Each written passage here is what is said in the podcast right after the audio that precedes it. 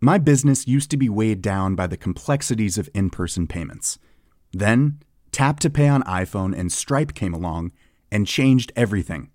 With Tap to Pay on iPhone and Stripe, I streamlined my payment process effortlessly. Now I can accept in person, contactless payments right from my iPhone. No extra hardware required. What's truly remarkable is how I can cater to all of my customers' payment preferences.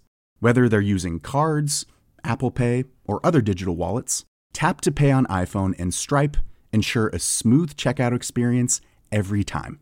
And it's not just me. Stripe helps businesses of all sizes, from local markets to global retailers, scale quickly and stay agile. To learn how Tap to Pay on iPhone and Stripe can help grow your revenue and reach, visit stripe.com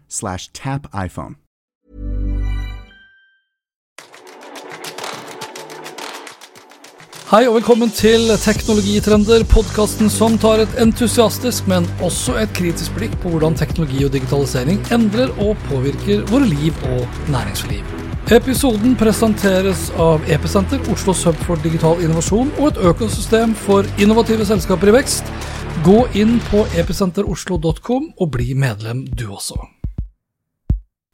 Teknologiselskaper, teknologiplattformer og teknologi i seg selv har virkelig fått kjørt seg så langt i år.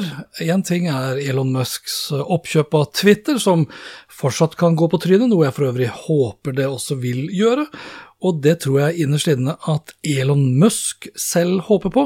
Uansett så vil hele Musk-Twitter-affæren gå inn i historien som et av de mest bedritne oppkjøpsprosesser noensinne. Men utover Twitter, som pga. Elon Musk har opplevd en kursoppgang så langt i 2022, så har de aller fleste teknologiselskaper og plattformer opplevd det motsatte. Og ikke bare i USA, selv her hjemme har Schibsted, som ikke bare er et medium som bl.a. eier VG og Aftenposten, men som også eier eier podkastplattformen Podmy, rubrikkplattformen finn.no og distribusjonsselskapet Helt Hjem, ja, de har også fått smake på børsfall. Så langt i år er selskapets aksjeverdi barbert med nesten 70% mer enn fallet til giganter som f.eks. Meta, Netflix og ikke minst Snap. da. For sistnevnte har falt nærmere 80% i aksjeverdi så langt i år, noe som har resultert i at selskapet bl.a. er i ferd med å si opp hele 20% av arbeidsstyrken sin. Ingen ser ut til å være skånet for nedgang i dette sorgens år. En nedgang som skyldes veldig mange faktorer, alt fra pandemiens påvirkning av forsyningskjeder og kjøpevaner til krigen i Ukraina, som igjen har bidratt til utfordringer knyttet til dagens forsyningskjeder, i tillegg til manglende tilgang på sjeldne mineraler som mange av produktene er avhengig av. Legg så til økende fokus på personvern og sikkerhet fra EU, Apples app tracking transparency og avlivingen av tredjeparts cookies, som alle gjør det vanskeligere å målrette markedsføring, noe som igjen har bidratt til fallende treffsikkerhet og effekt av markedsføringen, som selvfølgelig da resulterte i fallende reklameomsetning for flere av plattformgigantene, osv. Når du så legger til økt inflasjon, økte renter, økte fraktkostnader, reduserte marginer og en generell dårligere forbrukerøkonomi, ja, så går det hardt utover omsetning og fortjeneste til mange av disse selskapene, og når det ikke ser ut til å være noen lys i tunnelen med det første, så vil det slå hardt inn på prisingen av nettopp disse selskapene. I tilfelle Meta er det nok også riktig å legge til at Marks Metaverse-satsing ikke ser ut til å ha bidratt i noen særlig positiv grad til verken omsetning, fortjeneste og dermed aksjekursen. Milliarder på milliarder av dollar er barbert derimot vekk, både fra Meta og Mark, og nå er situasjonen såpass prekær at Meta har ansettelsesstopp, prosjekter blir skrinlagt, og hele selskapet omtales som om det er i ferd med å råtne fra innsiden og ut. Legger man så til den eskalerende handelskrigen mellom USA og Kina, hvor Joe Biden nå nylig strammet handelsblokaden ytterligere til, med enda flere kinesiske selskaper på svartelisten, ja, så begynner man å nærme seg en perfekt storm. I tillegg til disse selskapene som Biden har svartelista, så har han også lagt til 31 kinesiske selskaper som amerikanske selskaper ikke får lov til å selge sin teknologi til. Tiltakene er Bidens mest aggressive til nå, og det hele er da i et forsøk på å stoppe Kina fra å utvikle kapasitet til på sin side da, å utvikle teknologi og produkter som Det hvite hus ser på som en trussel mot USAs økonomi og nasjonale sikkerhet. Et av de nye selskapene USA nå har valgt å svarteliste, er droneprodusenten DJI fra Kina. Allerede i fjor ble selskapet satt på Forsvarsdepartementets svarteliste, mens nå er også selve produktene til DJI svartelistet, da Biden og co. mener at DJI samarbeider med det kinesiske militæret bl.a. i samarbeid med Russlands krig mot Ukraina, hvor DJIs droner har vært instrumentelle. Og alle disse faktorene har dratt med seg resten av de toneangivende teknologiselskapene vi er kjent med. Apple er ned nesten 25% i år, Amazon, Microsoft og Alphabet, altså moderselskapet til Google, er ned over 30% så langt, mens Sony og Tesla er ned over 40% etterfulgt av Netflix, som er ned over 60 noe som er på nivå med kryptoteknologiene bitcoin og Ethereum. Alle blør, men noen blør mer enn andre, og ingen blør mer enn NFT-markedet.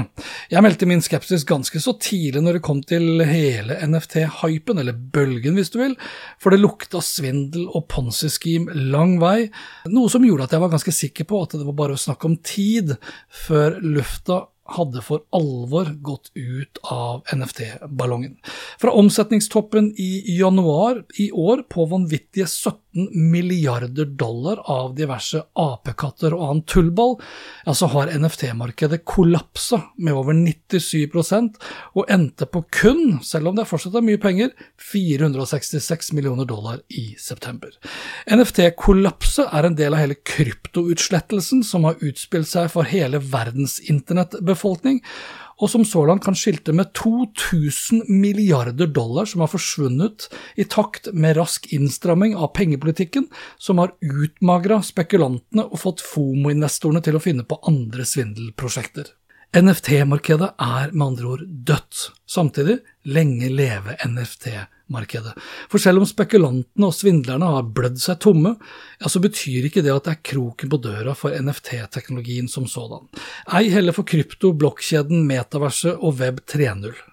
Som så mange ganger før så har vi en lei tendens til å overvurdere ny teknologi på kort sikt, og undervurdere den samme teknologien på lang.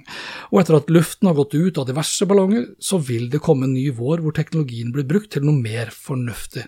Og når krigen har gitt seg og verden har blitt venner igjen, selv om Vesten nok aldri blir venner med verken Kina eller Russland, noe som på sin side vil tvinge frem nye forsyningskjeder og produksjonsfasiliteter, ja, så vil de skvettende aksjemeglerne få ny psykologisk tiltro til teknologiaksjene igjen igjen.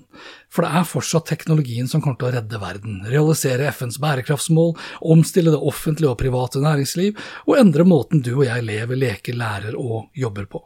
Og mens aksjekursene ligger og kryper i søla, ja, så vit at det kan også være en god tid til å investere. Hvis du da tenker langsiktig. Og siden du ikke lenger tror at du kommer til å bli NFT-rik på late apekatter, ja, så kan du i stedet hygge deg som en hobbykunstner ved hjelp av den kunstige kunstintelligensen til bl.a. Midjourney og Dal-E, for å nevne noe. Dette var det. Inntil neste gang, vær nysgjerrig, still kritiske spørsmål, ikke vær en teknologisjåvinist. Lenker som sagt til alt jeg har snakket om, finner du som alltid på hanspetter.info. Snakkes!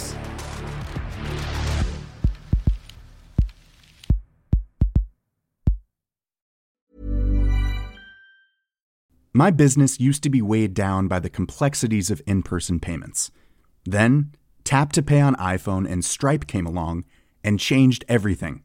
With Tap to Pay on iPhone and Stripe, I streamlined my payment process effortlessly.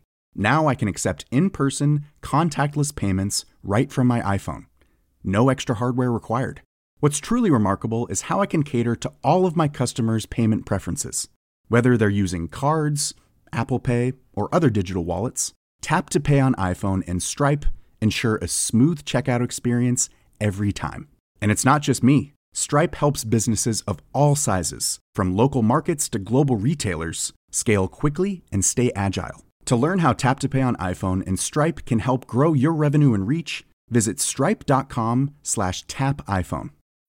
When you need mealtime inspiration, it's worth shopping Kroger, where you'll find over 30,000 mouthwatering choices that excite your inner foodie. And no matter what tasty choice you make, you'll enjoy our everyday low prices, plus extra ways to save, like digital coupons worth over $600 each week. You can also save up to $1 off per gallon at the pump with fuel points. More savings and more inspiring flavors make shopping Kroger worth it every time. Kroger, fresh for everyone. Fuel restrictions apply.